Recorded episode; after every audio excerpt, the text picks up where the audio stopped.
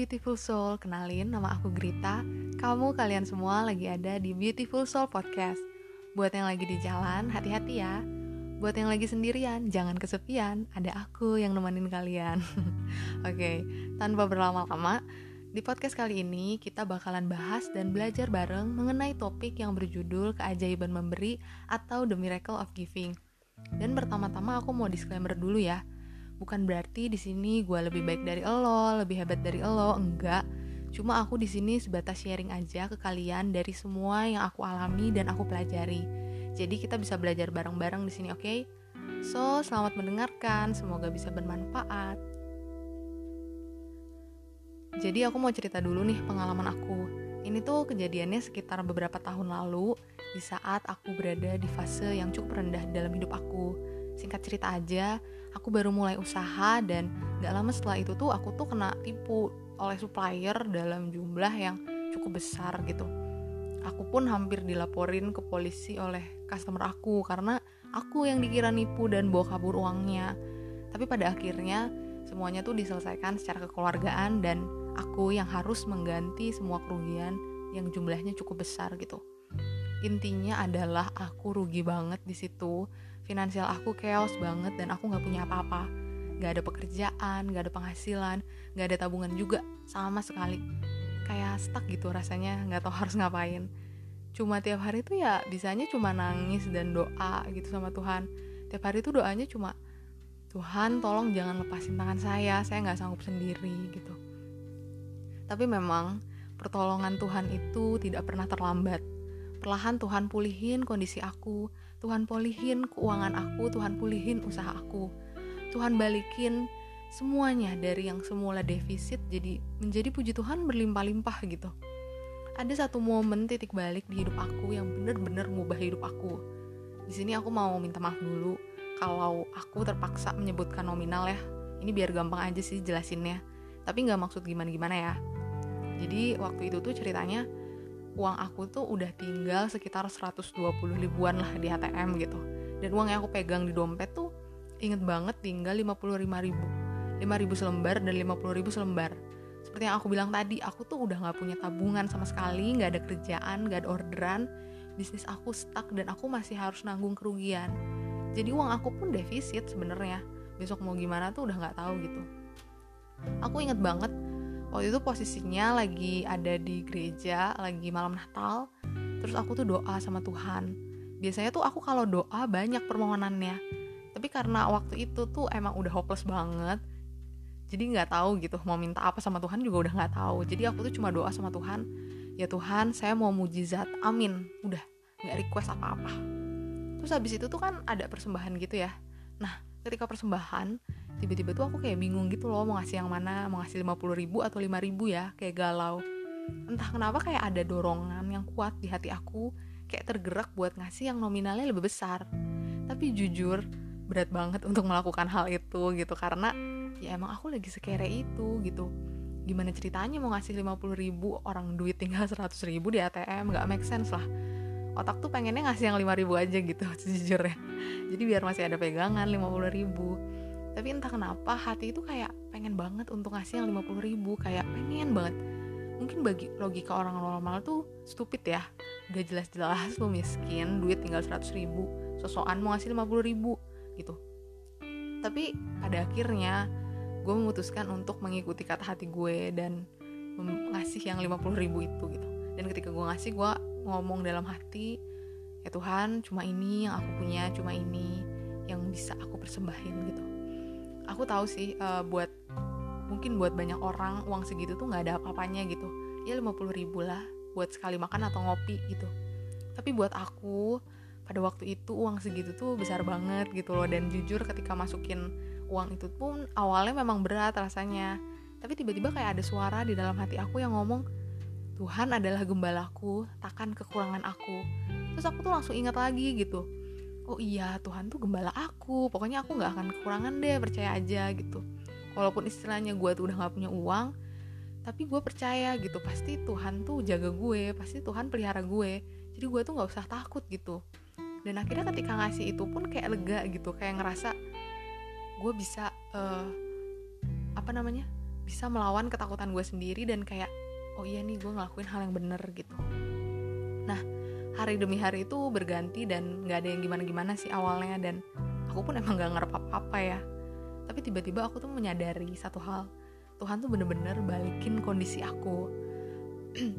Believe it or not kurang dari sebulan setelah kejadian itu ini luar biasa banget sih. Tiba-tiba tuh ada orderan yang jumlahnya tuh bener-bener gede banget dan aku belum pernah seumur umur dapet orderan sebanyak itu gitu.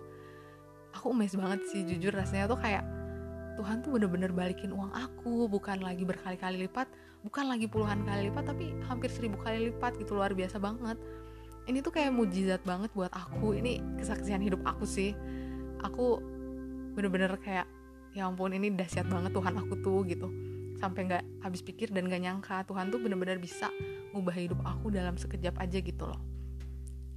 Mungkin banyak orang yang mikir ya kebetulan aja kali ya terserah sih orang mau mikir gimana ya. Tapi kalau menurut aku kalau aku aku memilih untuk percaya kalau ini tuh memang mujizatnya Tuhan bener-bener kuasanya Tuhan. Kuasa bener-bener berkat yang luar biasa gitu.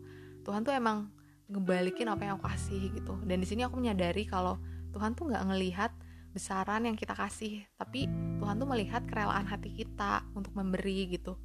Satu pelajaran yang aku pegang sampai sekarang adalah Tuhan tidak pernah hutang.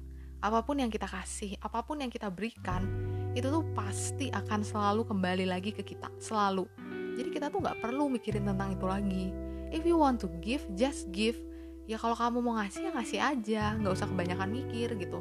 Dan seringnya yang kembali lagi kepada kita itu jauh lebih besar melebihi apa yang bisa kita bayangkan gitu.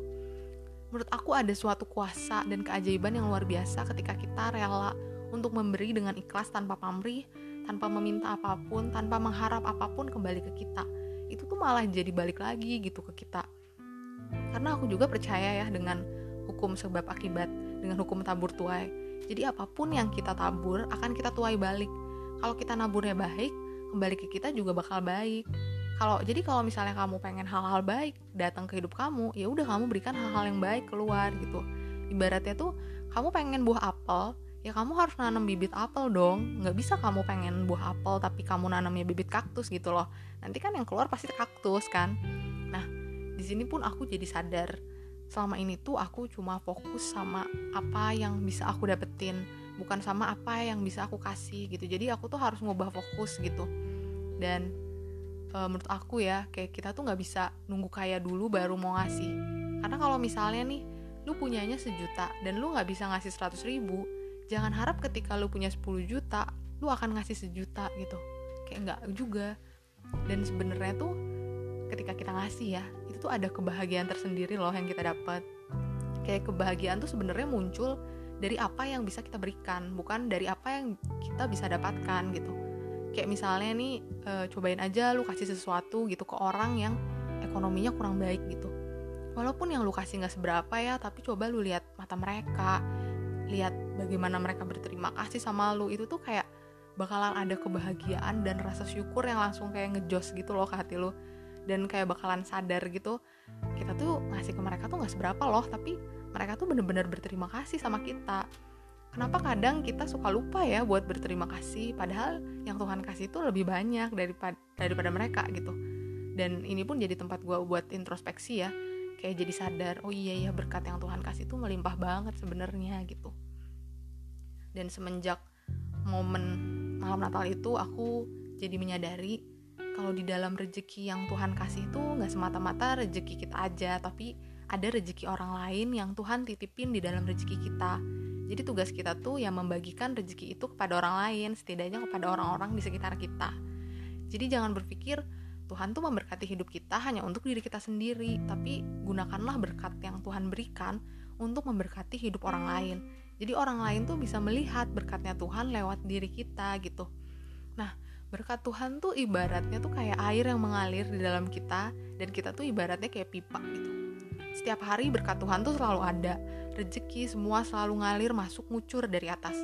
Nah, kalau misalnya nih kita ngerasa hidup kita stuck atau kayak rezeki kita mandet, jangan pertanyakan Tuhan tuh ngasih berkat atau tidak. Tapi yang perlu jadi pertanyaan adalah apakah kamu buka keran-keran kamu buat orang lain atau tidak. Karena berkat dari Tuhan tuh selalu ada, Tuhan selalu ngasih rezeki. Nah, jadi yang bikin stuck adalah mungkin kamu tidak buka keran-keran kamu untuk orang-orang di sekitar. Airnya tuh selalu ngucur dari atas selalu ada. Tapi kitanya buka keran nggak biar nggak mampet gitu. Karena kalau kita nggak buka ya stuck dong. Nanti lama-lama air yang ada di kita juga kotor gitu. Nah, kalau misalnya kita bisa buka keran-keran itu, semakin besar juga berkat yang bakalan ngalir lewat kita gitu. Karena ngocornya makin deres pasti dari atas gitu loh. Jadi, yang perlu jadi introspeksi adalah kalau misalnya berkat kita berasa kayak stuck gitu bukan Tuhan ngasih nggak sih ke kita tapi kita udah ngasih belum ke orang lain kayak gitu. Dan ngasih itu di sini bukan semata-mata materi ya.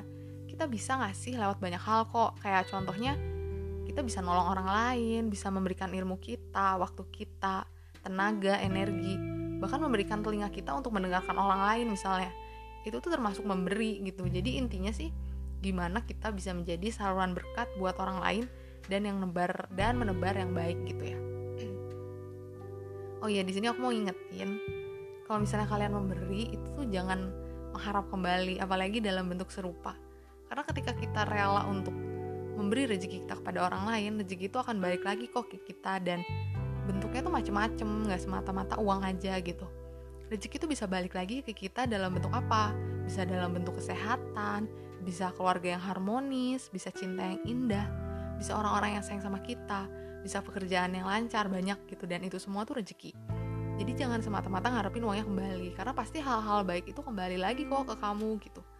Dan satu lagi ketika kita mampu memberi apalagi di saat kita kekurangan itu tuh sama aja kayak kita tuh ngasih sinyal ke semesta kalau kita tuh berlebih-lebih gitu. Makanya kita mampu ngasih. Nah ketika kita ngasih sinyal ke semesta kalau kita punya berlebih akhirnya apa? Semesta akan ngasih lebih-lebih lagi ke kamu. Ini tuh kayak hukum tarik-menarik gitu loh. Jadi kuncinya adalah selain kita memberi kita juga harus bisa mensyukuri apa yang udah kita punya. Karena ketika kita bersyukur Tuhan bakalan ngasih lebih banyak lagi hal yang bisa kita syukuri gitu.